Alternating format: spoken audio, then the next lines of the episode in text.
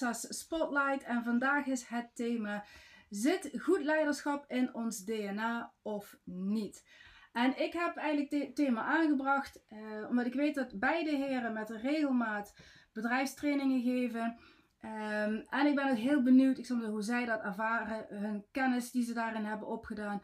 En met name, ik zal maar zeggen, omdat ik allebei ze als zilverruggen zie op hun eigen apenrot, ben ik heel nieuwsgierig geworden uh, opnieuw. Zou zeggen, hoe zien jullie goed leiderschap? Wat is jullie ervaring en wat is jullie mening en visie? Uh, Roy, mag ik met jou beginnen? Oh oh. ja, natuurlijk mag dat. ja, het, um, als, als we gewoon uh, beginnen met uh, hoe ik leiderschap zie. Ik denk dat het voor heel veel mensen een, een, verschil hoort te zijn tussen een leider en een manager. Heel vaak worden die twee dingen door elkaar gehaald. In, in de hiërarchie van het spel, zo zien het bedrijfsleven, heb je natuurlijk de, de leader, de baas of wie dat ook is. Die, die staat ook hoog in de, de hiërarchie, in, in de driehoek. En die geeft dus in feite leiding. En wat houdt leiding in? Is dat er dus een, een doel is voor het bedrijf. Het bedrijf wil natuurlijk uh, ook zeg maar beter presteren. Dus het is gekoppeld aan prestatie. En de leider is degene, zeg een beetje, die de, het legertje, dat zijn dan de werknemers, dat kan een klein of groot leger zijn, in feite aanvoert naar het doel toe. En dan kun je leiders in allerlei categorieën natuurlijk onderverdelen. Uh, ze kunnen inspirerend zijn, ze kunnen dwingend zijn, ze kunnen, uh, wat, wat je ziet, een leider met weerstand zijn. Er zijn heel veel leiders, uh, zeg maar, een diversiteit aan leiders. Maar ik denk het allerbelangrijkste van een leider is dat, dat hij echt durft om ook beslissingen te nemen. En, en die soms niet in, in de goede aarde vallen. Terwijl een manager is dat anders. Een manager werkt binnen een structuur. Een leider kan ook zo'n structuur doorbreken. Hij, hij geeft dus, uh, hij moet de visie dragen, maar ook de kernwaarden van het bedrijf. En, en daar gaat het vaak mis, is dat de leiders gewoon niet echt een boodschap kunnen overbrengen. De mensen niet kunnen inspireren of motiveren. Of er ontstaat een soort impasse in het bedrijf.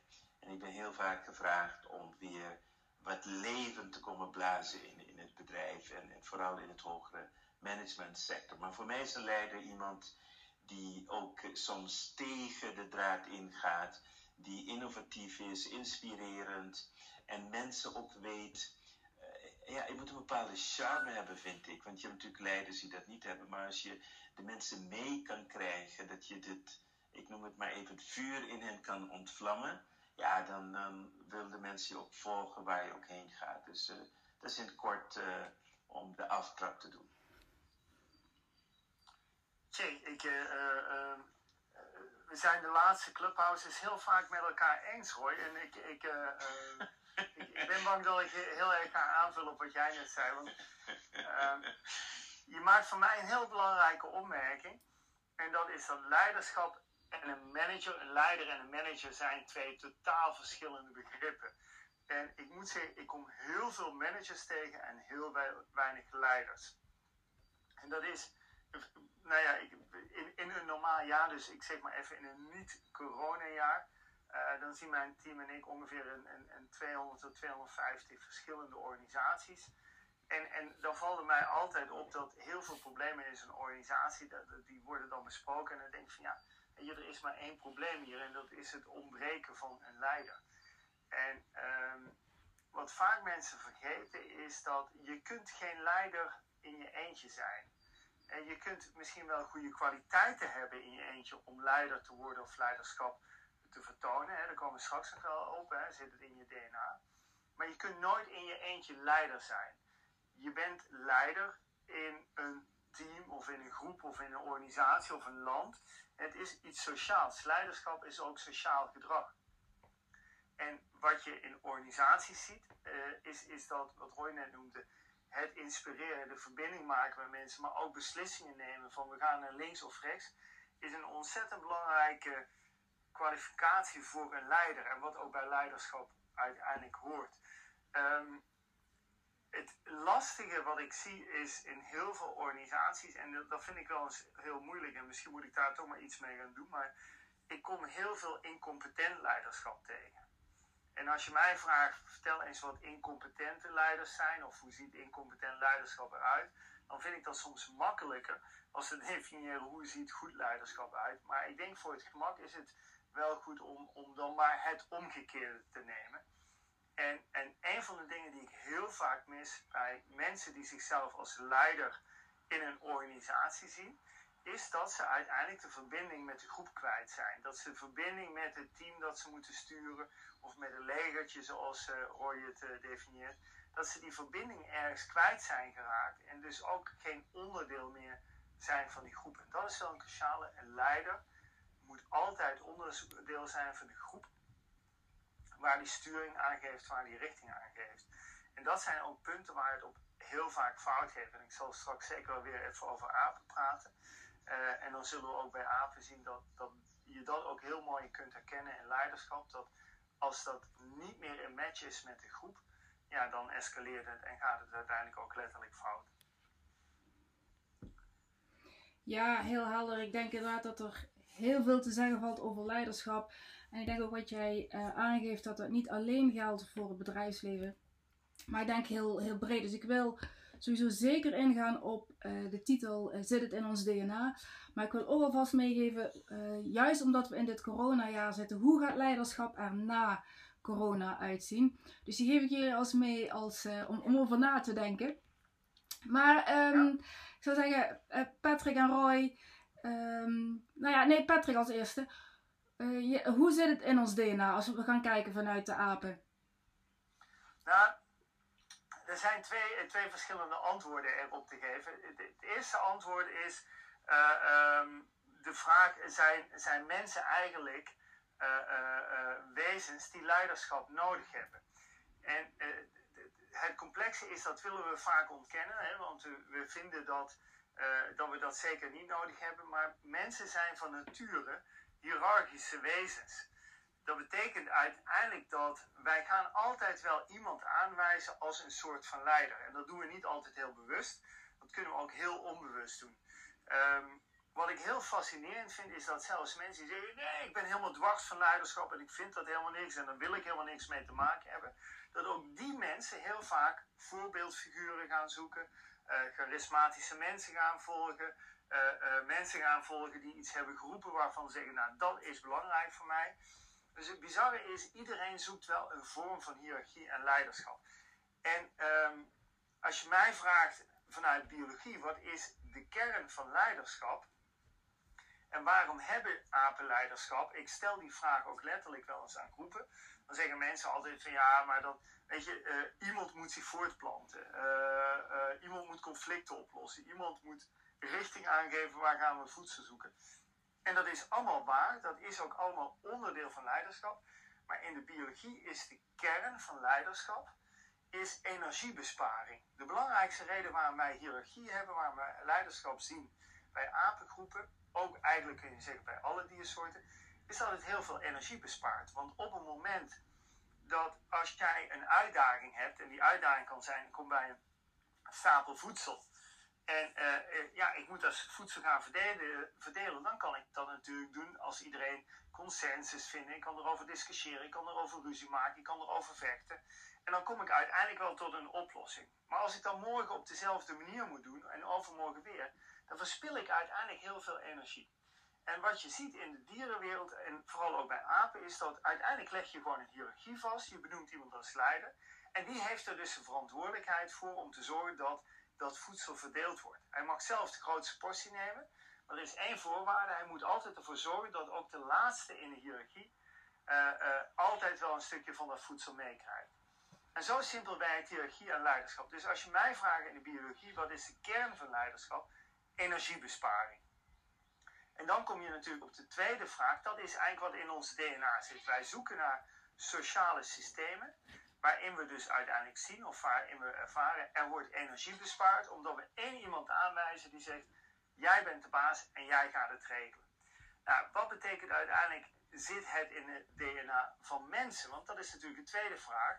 dat we op zoek zijn naar hiërarchie en leiderschap, dat is te verklaren. Maar de tweede vraag is natuurlijk, hebben uiteindelijk ook mensen bijvoorbeeld speciale kenmerken uh, uh, die kan zorgen dat ze een betere leider zijn of dat ze een potentiële leider zijn? Nou, dit is een vraag die vanuit biologie al heel lang op tafel ligt en heel complex te beantwoorden is.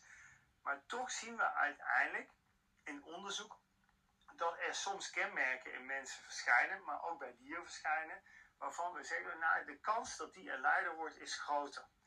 En uh, uh, dat is, soms is dat gewoon aan, uh, nou, is iemand extrovert, introvert. Dat soort kenmerken zie je ook bij apen. Maar wat ook een heel belangrijk kenmerk is, hoe open zijn dieren en mensen open voor nieuwe ervaringen. Dus hoe bereid ben je dat als er iets spannends gebeurt of als iets nieuws gebeurt, daar ook bovenin te duiken. En vaak zie je dat als je testen doet, dat soort hele simpele experimenten, kijken hoe open zijn ze voor nieuwe ervaringen, dat je dan vaak ook al de toekomstige leiders gaat herkennen. En we denken dat vooral een aantal persoonlijkheidskenmerken helpen om uiteindelijk te leider te worden, maar nog steeds moet het uiteindelijk de groep zijn die zegt, jou heb ik nodig. En misschien moeten ook wel de omstandigheden ernaar zijn. Want het ene moment kun je een andere leider nodig hebben dan op het andere, uh, uh, andere moment. Oh, hele mooie aanvulling. Ik vind echt ook, ook, leuk om steeds te vergelijken mensen en, en zeg maar onze neven, de apen.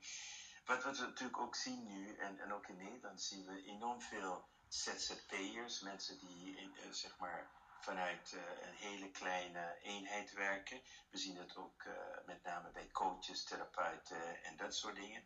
En ik heb heel veel mensen gecoacht die enorm problemen hadden om juist uit die, die zeg maar, kleinheid te stappen. Heel veel mensen hebben een weerstand tegen andere mensen zeg maar, aan te gaan leiden. Dus dat zien we dus in mijn doelgroep, dus therapeuten, zien dat heel veel.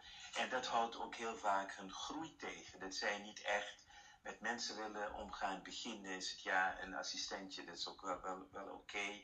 Enzovoort, enzovoort. Maar dus die leiderschapskwaliteiten te gaan ontwikkelen, dat, dat is een hele grote voor heel veel mensen. Ook, ook knokken heel veel ZZP'ers ook om echt zichtbaar te worden, voorop te gaan staan. En tegelijkertijd zie je ook een ander fenomeen, is dat mensen uh, juist zich gaan afgeven tegen anderen die wat meer natuurlijk zeg maar, het karretje gaan trekken. Wat ik heb opgemerkt is dat heel vaak in de jeugd al, al het begint. Je hebt dan mensen die wat meer zeg maar, op de voorgrond durven te staan en, en daarin ook bevestigd worden van, van dit of dat. Maar dat wil niet zeggen dat ze goede leiders worden. Dus het wil wel zeggen dat ze misschien, wat wij uh, zeggen, brutaal zijn en de aandacht opeisen en, en, en van alles en nog wat doen. Maar dat zijn absoluut niet altijd de goede leiders. En wanneer iemand echt uh, zeg maar, aan, met iemand gaat werken en vooral gaat werken aan hun, hun uh, zeg maar, zelfbeeld, hun eigen waarde, dan kun je heel vaak leiderschapskwaliteiten naar boven gaan halen die in de eerste instantie misschien nog niet helemaal helder zijn. Dus teruggaan van is het de leiderschap in ons DNA of niet? Ik denk dat leiderschap ook voor een groot deel vaardigheden zijn die we kunnen gaan ontwikkelen. Het is bijna een soort persoonlijke ontwikkelingsreis waar je steeds meer in je kracht gaat stappen, steeds meer gaat durven en uiteindelijk ook die vaardigheid kan aanleren om een team te gaan leiden en, dan zie ik dat in één keer die mensen ook gaan groeien in, in hun bedrijf. Dus het, het, het is wel heel erg belangrijk, vooral voor de mensen die starten in een soort, zeg maar, één, één persoonssituatie, om uiteindelijk dan in, in, echt in die leiderschapsrol te gaan innemen. En dit is een hele ontwikkeling uh, voor mensen. Dus het is wel grappig om te zien. Als je mij de vraag zou stellen, zit het in je DNA? Dan durf ik te zeggen ja in feite worden we allemaal geboren met een potentieel. Maar in jouw kweekvijver, zeg maar in je jeugd en, en je ouders, word je daarin gestimuleerd. Of, of word je meer gedwongen een soort volger te zijn. Dus heel veel van je leiderschapskwaliteiten, die kunnen zeg maar afgesnoerd worden in je jeugd. En, en dat is wel grappig als je dat weer terug kan halen naar boven. Dus volgens mij zit het potentieel erin. Maar voor heel veel mensen is het uh, die kwaliteiten te gaan ontwikkelen. En dan uh, wat, wat uh, wat ik heel mooi vond, dat, dat je zei, Patrick, was dat je heel veel incompetente leiders hebt. En dat zie ik dus ook in, in mijn doelgroep, zie ik dat heel veel. En, en het mensen hier naar het managen, het soort projectmanagers worden ze dan en hun bedrijf is een project die ze, die ze managen. Dus wel grappig uh, om dat inderdaad ook terug te zien. ik, ik, weet niet hoe jij dat in de praktijk ervaart, Roy, maar daar ben ik nog wel nieuwsgierig van. Wat, ik heel vaak zie bij mensen die zichzelf als leider willen profileren, maar uiteindelijk gaan functioneren als een manager, is dat ze heel erg bezig zijn met risicomanagement. En, en uh, heel, heel simpel, als ik toch weer in, in, in de dierenwereld kijk, dan, dan zijn natuurlijk leiders ook degene die de hardste klappen opvangen. Uh, dat zijn ook degenen die af en toe een draai om de oren krijgen of af en toe zijn vinger kwijtraken, omdat ze soms ook in de frontlinie staan. En ook in organisaties heb ik wel eens het gevoel dat leiders moeten opstaan, verantwoordelijkheid moeten nemen en een beslissing moeten maken. Terwijl ze soms niet beter geïnformeerd zijn als de rest van de organisatie. Maar zij zijn wel degene die uiteindelijk de beslissing zouden moeten maken. En wat ik dan vaak zie, is dat men gewoon blijft hangen en blijft doordiscussiëren en doordenken en dooronderzoeken. En alleen maar beslissingen blijft uitstellen omdat men nog niet 100% geïnformeerd is. Waarbij ik denk van je bent gewoon risico aan het managen. En, en geef er nu eens gewoon een klap op. Neem een beslissing. Laat ons met z'n allen naar links lopen. En misschien is dat straks de foute richting. Maar ja, dan neem je maar even de verantwoordelijkheid.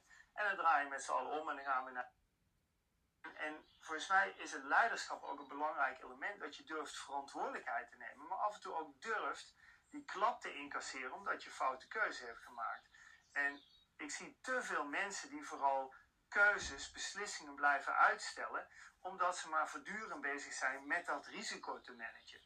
En, en daar zie ik soms, als je het hebt over bijvoorbeeld, of wat ik ook noem, de incompetente managers. Dat zijn vooral ook managers die, die alleen maar blijven uitstellen, uh, keuzes vooruit blijven schuiven en niet op een gegeven moment zeggen: en nu klaar mee, we gaan even naar links. Ja, of het de goede richting is, geen flauw idee, maar ik denk het wel. Maar we moeten weg op de plek waar we op dit moment staan. En dat vind ik wel eens jammer, dat dat in leiderschap heel erg ver weggetrokken is. Misschien is dat ook wel een punt waarvan je denkt, of waar ik in ieder geval van denk, van dit is het onderscheid tussen die manager en die leider. Die durft op een gegeven moment de beslissing nemen, ook al is hij misschien nog niet 100% geïnformeerd, maar hij snapt wel dat het op dit moment nodig is. Eh, daar ben ik heel benieuwd hoe jij dat in de praktijk ziet. Yes, uh, ja, hoe ik er kijk is dus dat de manager die, probeert binnen de structuur, dus zeg maar te managen, de mensen vooral binnen de structuur te houden. En, en je hebt dus heel veel leiders, uh, heel vaak worden mensen gepromoveerd tot ze buiten competentie zijn. Dus dat zie je ook bijvoorbeeld in bedrijven waar iemand heel goed is in sales en op een gegeven moment is hij dan zogenaamd de sales manager. Maar dat kan niet helemaal niet. Hij is gewoon goed in sales. Dus je ziet in, in bedrijven wil iedereen dat, uh, naar boven en dan wordt ze buiten, uh, zeg maar, uh, boven een competentieniveau worden ze naar een positie gebracht. En bij een manager, dat, dat zie ik absoluut ook, die, die, die werkt binnen een structuur, maar durft geen beslissingen te nemen. Hij mag de regels niet breken, zeg maar. Een leider behoort in feite los te staan van de structuur. Hij is de persoon die ook moet innoveren, die continu kritisch moet schoppen tegen de bestaande structuren, moet gaan kijken van oké, waar, waar zit de stagnatie, waar lopen we vast? En wanneer die leider, zoals jij zegt, de risico's niet durft te nemen, dan kan het nooit een goede leider zijn. Een leider moet ook niet te veel bezig zijn met wat we noemen de dingen tussen, tussen de personen in. Het moet degene zijn die de doelen stelt. En een, een, een van de belangrijkste kwaliteiten van een leider vind ik dat hij chaos tolerant moet zijn. Hij moet in chaos kunnen functioneren. En een manager die kan veel minder goed in chaos uh, functioneren, omdat hij veel meer binnen zijn box dus werkt. Dus een goede leider, naast dat hij uh, inspireert, moet hij uh, beslissingen durven te nemen die tegen alles ingaan. En, en ook, zoals jij dat zegt, de, de emmer gewoon verder schoppen, ook als iedereen er tegen is. En in feite moet hij immuun zijn voor, zeg maar, of wel de, de harmonie altijd behouden wordt. En dan je bij een manager werkt ook op de harmonie.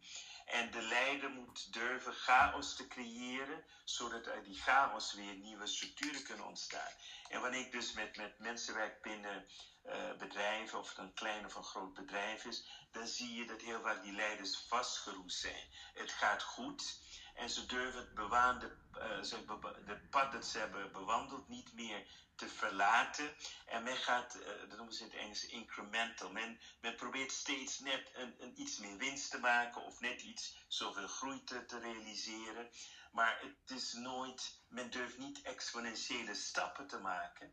Terwijl, en ik heb bedrijven zien, zeg maar, ter neergaan terwijl ze het weten dat ze het marktaandeel verliezen, maar toch niet durven te innoveren. En zoals uh, Einstein het heel mooi heeft gezegd, waanzin is wanneer je hetzelfde blijft doen en uh, verwacht dat er een andere uitkomst gebeurt. En dat zie je dus bij die uh, wat jij mooi hebt genoemd, die incompetente leiders, zie je dat ze toch krampachtig blijven doorgaan met de ingeslagen weg, omdat het vroeger succesvol was.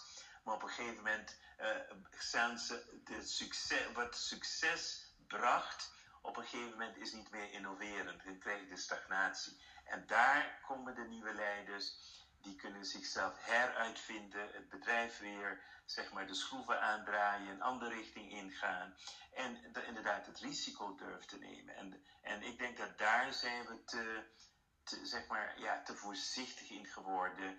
Oh, en zeker bij grote bedrijven durft men dat veel minder. En dan wordt zo'n bedrijf minder innoverend. En dan komt een ander bedrijf die hem lekker inhaalt en voorbij streeft, omdat zij weer innoverend zijn.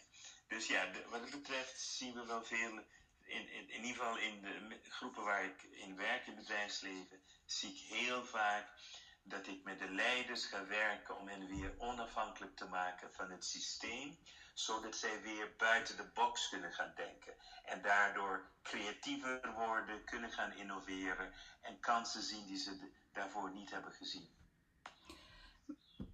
Nou, als ik het goed jullie begrepen heb, zeggen jullie eigenlijk leiderschap kun je ontwikkelen. Het potentieel zit in ons, in ons DNA. Um, maar ik hoor ook zeggen dat er een enorm gemis is aan verantwoordelijkheid. Uh, en een goede leider durft zijn verantwoordelijkheid te nemen en af en toe tegen zeg maar, de zere uh, scheenbenen aan te schoppen. en daar alle consequenties van te dragen. Maar ik vraag me als ik nou een, een beetje om me heen kijk. Ik zie zoveel bedrijven met allerlei protocollen waaraan voldaan moet worden.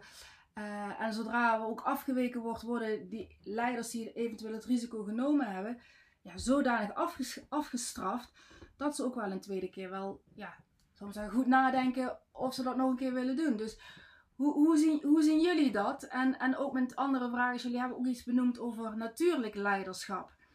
Uh, hoe, hoe, hoe werkt dat? Dat zijn eigenlijk mijn twee vragen aan jullie. organisaties, en zeker een aantal organisatietypes heel erg goed, die alleen nog maar protocol en procedure gedreven zijn. En, ik heb maar één opmerking bij dat soort organisaties. Die, die, die zijn totaal de plank misgeslagen. Uh, um, omdat heel simpel, op het moment als je alles gaat vastleggen in protocollen en procedures, dan, dan heb je alle verantwoordelijkheid bij medewerkers weggenomen. Uh, en ben je er zeker van dat het fout gaat want, want het enige wat je doet in organisaties waar we alles neerleggen in, in een handboek en waar we alles van A tot en met Z beschrijven in, in, in richtlijnen en procedures en hoe het allemaal moet uitgevoerd worden, met allemaal checks en balances, dan heb je eigenlijk een, een organisatie gecreëerd die geschikt is voor domme mensen. Um, waarbij je eigenlijk ook niet meer wil dat mensen zelf nadenken. Um, en dan weet je eigenlijk ook dat het gegarandeerd dat het fout gaat. Ik, ik zal je één voorbeeld geven. In een dierentuin, ergens, ik zal geen naam noemen, uh, uh, uh, was er een ongeval bij de chimpansees van een chimpansee die had een medewerker gegrepen en daar had een vinger afgebeten. Nou, dat is iets wat chimpansees af en toe doen, dat is heel vervelend. Um, ja, en de medewerker had gewoon een fout gemaakt. Die was onoplettend te dichtbij bij het verblijf van de chimpansees gekomen en dat was achter de schermen. En vervolgens komt er een hele slimme manager en die zegt, ja, maar dat mag niet nog een tweede keer gebeuren. Dus wat deed hij? Hij trok een gele lijn op de vloer achter de schermen bij de chimpansees in de gang waar de medewerkers rondliepen. En Het bijzondere was dat hij zei van nou die gele lijn is precies de armlengte van een chimpansee. Dus als je nu altijd aan de linkerkant of rechterkant, afhankelijk van hoe je in de gang liep, maar als je aan de goede kant van de gele lijn blijft lopen, ja, dan, dan ben je veilig, dan gebeurt er niks meer. En wat creëer je dan? Dan creëer je dus een medewerker die niet meer doorheeft wat het gevaar heeft. Wat je creëert is dat een medewerker die alleen nog maar heeft geleerd op de gele lijn te letten en niet meer op de chimpansees. Ja, een chimpansee is ook niet achterlijk, dus een chimpansee heeft daarna een week door. Die ziet een nieuwe stagiaire binnenkomen, neemt de stok van buiten mee en prikt de, uh, de ribben aan kort van die uh, stagiaire. Want ja, die stagiaire die is nooit verteld, let op de chimpansee, kijk wat die chimpansee in de handen heeft. Die stagiaire is alleen maar geleerd het protocol te volgen. Dat is aan de juiste kant van de gele lijn te blijven. En, en dat is wat we eigenlijk zien in heel veel protocollen, procedures, hele handboeken die worden volgeschreven. Wat we daar proberen is risico's te managen, dat ten eerste. Maar wat we vooral proberen is mensen eigenlijk niet meer zelf te laten nadenken. En uiteindelijk betekent dat dat je uh, de organisatie uh, gegarandeerd met een nieuw probleem opzadelt. Want er komt uiteindelijk een situatie die niet in het handboek is beschreven. Er komt altijd een situatie die toch niet binnen de lijntjes van de procedures valt. Ja, en dan gaat het uiteindelijk fout. Nou, en als je dan naar leiderschap kijkt, denk dat een goede leider juist ervoor zorgt dat er vertrouwen bij medewerkers ligt. Dat hij ook medewerkers aanspreekt op hun verantwoordelijkheid. Maar dat hij ook medewerkers in een organisatie dusdanig begeleidt dat ze zelfstandig nadenken, maar dat ze ook zelfstandige verantwoordelijkheid kunnen nemen. En wat we hebben gemerkt, en overigens dat wordt alleen maar erger, want er hoeft maar ergens iets in Nederland te gebeuren.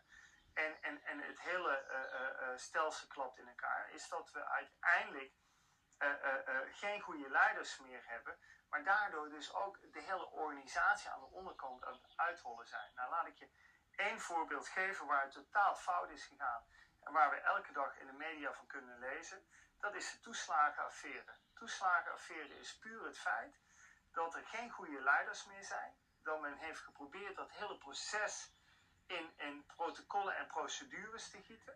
Waarbij men eigenlijk de verantwoordelijkheid bij de medewerkers volledig heeft weggenomen. En gezegd, nou als je nu maar het rekenmodelletje volgt, hè, dan ben je goed bezig. En, en eigenlijk heeft men ervoor gezorgd dat medewerkers niet meer op een goede, normale manier zelfstandig beslissingen en verantwoordelijkheid kunnen nemen. Waardoor dat hele systeem uiteindelijk uit elkaar is geklapt en volledig fout is gegaan. En, en dat is zeg maar als je praat over systemen, procedures en protocollen. En daar tegenover uh, leiderschap. Uh, die andere vraag komen we daar nog even terug, maar misschien hoor je het eerst. Oké, ja. Ik wilde ook hierbij uh, naar voren brengen, is als je gaat kijken nu, met name naar de jongere mensen, wat we heel vaak de millennials noemen. De millennials die zijn veel minder geïnteresseerd in, in, in geld en carrière. En die zoeken veel meer naar een, een bedrijf waarin zij zeg maar, zich sociaal goed voelen, waarin zij geïnspireerd worden, waarin zij ook het gevoel krijgen dat ze iets doen om, om de wereld te, te verbeteren, om een betere plek te maken. En, en als je kijkt naar dit soort bedrijven, en dan zie je ook, als je gaat kijken naar de groep miljardairs in de wereld, dat is een kleine 3000, dan zie je dat er nu heel veel jonge miljardairs komen. En dat zijn allemaal disruptors, die kijken anders de wereld in. Die, die kijken naar de wereld, waar zijn nu de mogelijkheden, waar zijn nu de uitdagingen. En die gaan dus op een hele creatieve manier, pakken ze zo'n kans. En dan zie je ze exponentieel groeien. En dan op een gegeven moment heb je dus nu, als je nu gaat naar de lijst van miljardairs, zie je aan de ene kant de oude, uh, ja, zoals wij dan dat noemen, de oude gorillas, die allemaal volgens de protocollen werken en die allemaal volgens de procedures werken. Alles is strak geregeld. En dan zie je dus veel meer van die jongere, dynamische groepen ontstaan, die de disruptors worden van de bestaande, uh, zeg maar, uh, technologie en de bestaande systemen. Dus we leven nu ook in een, in een tijd waar heel vaak snelle veranderingen zijn. En de COVID-periode is daar een prima voorbeeld van. En dan zie je dus dat heel veel leiders dus heel lang krampachtig toch proberen door te gaan met de oude dingen die in zo'n nieuwe omgeving niet meer zo werken. En dan zie je ook dat de bedrijven daar op stuk lopen. En dat een goede leider moet niet alleen risico's durven te nemen, maar die moet ook in feite een visie hebben en snel kunnen aanpassen. En soms heel snel die koers moeten omgooien. En, en dan heb je dus wel nodig dat jouw team, jouw legertje vertrouwen heeft in jou. En dat jij ook die, net zoals je dat noemde Patrick, die verantwoordelijkheid kan geven. Want de leider kan het nooit alleen. Eh, eh, mensen motiveren is één ding. Maar de motivatie moet ook intrinsiek zijn. De mensen moeten ook, uh, zeg maar, die passie in zichzelf kunnen oproepen en te gaan voor de missie en de visie van het bedrijf. En tegenwoordig, dus, elk bedrijf heeft wel een missie en een visie, maar het is heel vaak stoffig, het is heel vaak meer propaganda dan het echt mensen inspireert. En zijn van die slogans. En, en van tijd tot tijd vernieuwen ze ze dan ook. Maar eh, als de leiding, of de leiders niet echt vernieuwend denken, dan zie je zo'n hele organisatie wel doorgaan, maar dan op een stoffige manier, zonder te echt inspiratie, zonder dat je die energie voelt bij de werknemers. En dan zie je de werknemers, die worden een soort robot, die komen trouw naar hun werk toe, zitten uren uit en doen wat ze moeten doen, maar meer dus ook niet. En dat is, dat is gewoon jammer, want de grootste talenten worden ook niet binnen het bedrijf verder ontwikkeld. Die, die, ja, de mensen worden niet geïnspireerd om bij te dragen, de verantwoordelijkheid te nemen. Dus dat ja, ik zie ongeveer hetzelfde wat, wat jij dus ook uh, vertelde, Patrick. Ja, ik denk dat, dat daar gewoon een hele belangrijke kern in zit. En ik vond wel mooi wat je aangeeft van die miljardairs. Uh, soms disruptief te durven zijn. Dus soms durven totaal op een andere manier door zijn groep heen te rollen of door de wereld heen te rollen. Ja, dat is natuurlijk een ontzettend belangrijk kenmerk van leiderschap. En uh, als ik, ik praat natuurlijk heel vaak over leiderschap en apen. Er is één plek waar dat volledig fout loopt en ik die vergelijking niet kan maken. En dat is namelijk dat als ik naar apen kijk, dan zie ik dat elke soort apen, als ik naar gorillas kijk, die zijn in een bepaald gebied van het regenwoud, zijn zij in hun structuur heel erg effectief. Dat geldt zelfs voor chimpansees, bonobos en alle andere apensoorten. En die hebben ook een soort van leiderschap binnen hun groep, dat eigenlijk het best dienend is binnen de omgeving waar ze moeten overleven. Um, het vervelende is dat, dat als je een groep apen van A naar B transporteert en in een andere omgeving zou neerzetten, dan zul je uiteindelijk zien dat dat leiderschap niet meer toereikend is. Dat, dat, dan gaan ze het ook als groep niet meer overleven. En er staan ook geen leiders op die zeggen van goh, we zijn nu even 10.000 kilometer aan de andere kant uh, uh, van ons continent. Nu moeten we het even heel anders gaan doen. En dat is misschien zelfs wel wat een belangrijk verschil tussen mensen en apen is.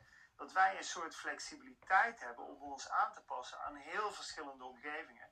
Maar dat wij ook een flexibiliteit hebben om uh, uh, uh, ons aan te passen aan de veranderingen die naar ons toe komen. En dat, dat hangt ook samen met reflectie. Dat hangt ook samen met het feit dat wij met elkaar erover kunnen praten van wat gaat er goed, wat gaat er slecht, wat zou ik anders moeten doen maar ook dat je dat als individu kunt doen. En dat is misschien wel het belangrijkste onderscheid als het gaat over leiderschap, groepen, gedrag. Dat wij mensen in staat zijn ons voortdurend aan te passen in die veranderingen in de omgeving. En dat blijken dieren veel lastiger te kunnen doen. Maar dat vraagt dus ook een kwaliteit van leiderschap. Maar dat betekent ook dat leiderschap af en toe veranderlijk moet zijn. Ja, en, en hoe zit het dan? Uh, kun je daar ook iets meer zeggen over die natuurlijke leiderschap die misschien daaruit voortvloeit? Ja, wat dus uiteindelijk betekent natuurlijk leiderschap, is, is dat uh, um, je ziet dat, uh, dat uiteindelijk leiderschap moet iets zijn wat, wat gelinkt is aan de groep, aan de uitdagingen van je omgeving. En ik, ik heb zelf wel eens een woord natuurlijk leiderschap genoemd, in de zin van je ziet mensen die uiteindelijk vanuit hun persoonlijkheid, vanuit hun gedrag sturing geven op een manier, leiderschap vertonen op een manier die ook bij hunzelf past, die ook bij hunzelf hoort. En wat ik heel vaak zie, en dan komen we misschien ook alweer een klein beetje op dat onderscheid tussen manager en leider, is dat heel veel mensen niet leiderschap vertonen en gedrag vertonen dat bij hun past, maar gebaseerd is op allerlei trucjes die ze geleerd hebben. En uiteindelijk zul je als leider zul je gedrag moeten vertonen dat ook echt bij jouzelf past, waar je je comfortabel in voelt, waar je je lekker in voelt. En dat betekent niet dat je geen kwaliteiten kunt ontwikkelen. Hè. Je kunt absoluut kwaliteiten ontwikkelen. Maar wat je vooral niet moet doen, is trucjes leren. En eh, ik zeg altijd, een, een gorilla, elke gorilla slaat zichzelf op de borst. En dat is een belangrijke manier om te demonstreren hoe je sterk en hoe krachtig je bent. Maar uiteindelijk zal maar één op de vijf, zes, zeven mannen zal uiteindelijk de leider van een groep worden.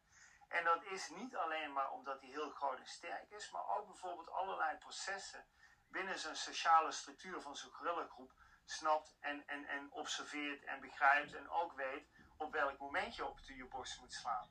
En er zijn van die kereltjes die lopen de hele dag op hun borst te slaan, maar uiteindelijk worden ze door de vrouwen harder geslagen dan ze zelf op de borst slaan. En dat komt omdat ze dat gedrag niet op het juiste moment weten te tonen en niet op het juiste moment eigenlijk weten in te zetten.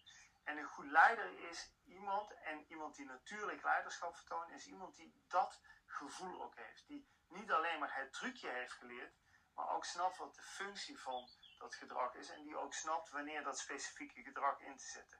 volgens mij ben je dan eigenlijk, nou ja, sommige mensen roepen dan, dan ben je in balans. Maar dat is wel een heel cruciaal element als je het hebt over goed en ook natuurlijk leiderschap.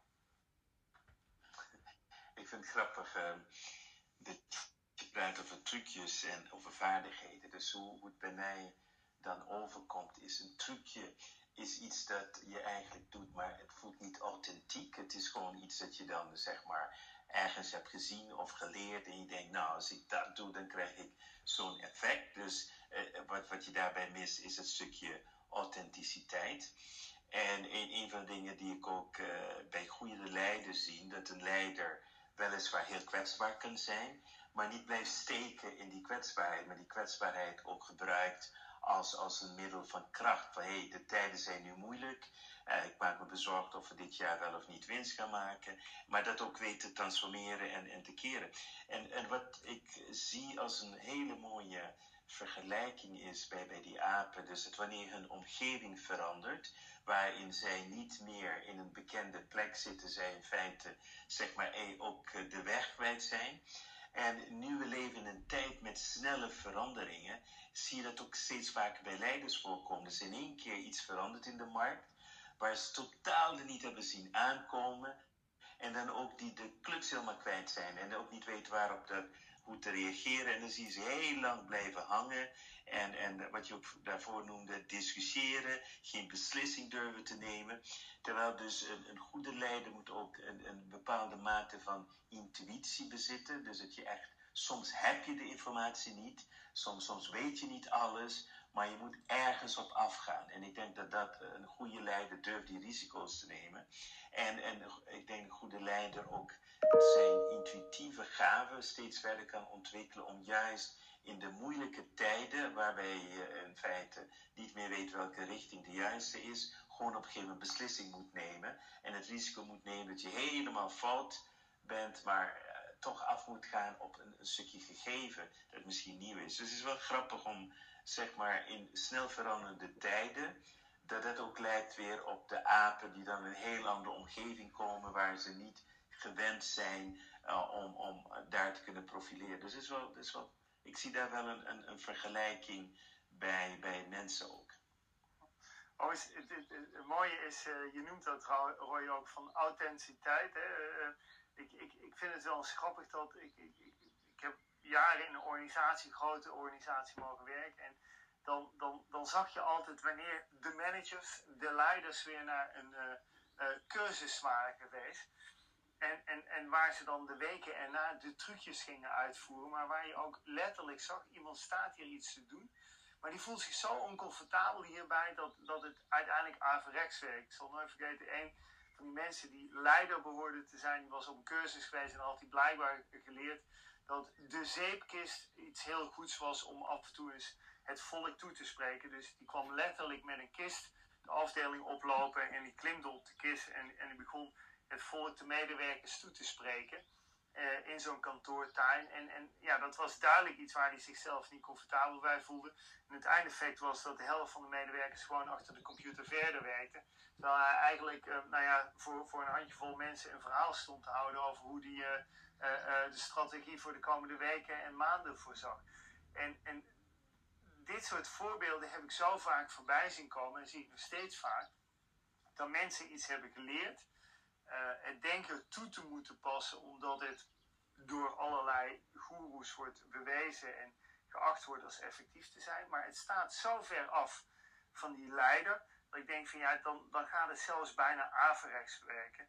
En, en dat is wel uh, uh, een belangrijke. En, uh, ik heb zelf wel eens ooit een discussie gehad in, in, in de zin van, van in de titel van een artikel moet ik nu gebruiken natuurlijk leiderschap of authentiek leiderschap. En volgens mij liggen die twee heel erg dicht bij elkaar. Ja, het is grappig dat je het noemt. Ik noemde dat vroeger het uh, Emiel Ratelband of Tony Robbins effect.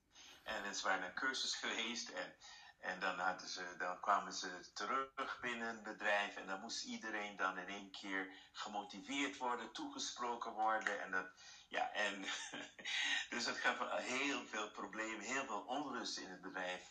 Zelf omdat dit, met name het stukje authenticiteit dus uh, ontbrak. En, en het gebeurt ook bij hele grote bedrijven. Ik heb een tijdje ook gewerkt uh, met management toen de tijd heette het Free Record Shop.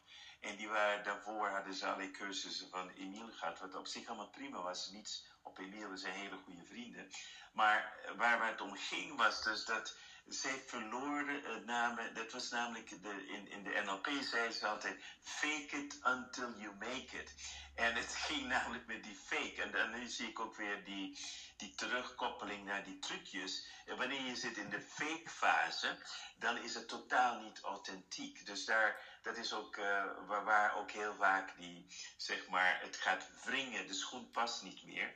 En, en uiteindelijk zie je twee dingen gebeuren. Of de mensen vinden in zichzelf het stukje dat het ze zoeken, dat ze bij zichzelf geplaatst hebben, of ze laten het weer los. Dan zie je daarna verloop van tijd, is dat hele fanatieke, dat, dat chakra-geroep wordt steeds minder en dan zie je het bedrijf weer terugzakt naar waar het voorheen was. Dus dat wanneer je extern gemotiveerd wordt, werkt dat niet altijd. En ik denk dat dat is verschil ook met inspiratie. Wanneer je een leider hebt die de mensen weet te inspireren naar een stukje eigen verantwoordelijkheid, een stukje zelfstandigheid en dan het wijgevoel kunnen creëren met een gemeenschappelijke visie. En dat, dat komt vanuit die, die authenticiteit. Dan zie je die bedrijven ook uh, vooruit bewegen. Terwijl die fake it until you make it, dat het heel vaak dus heel veel wrijving oplevert.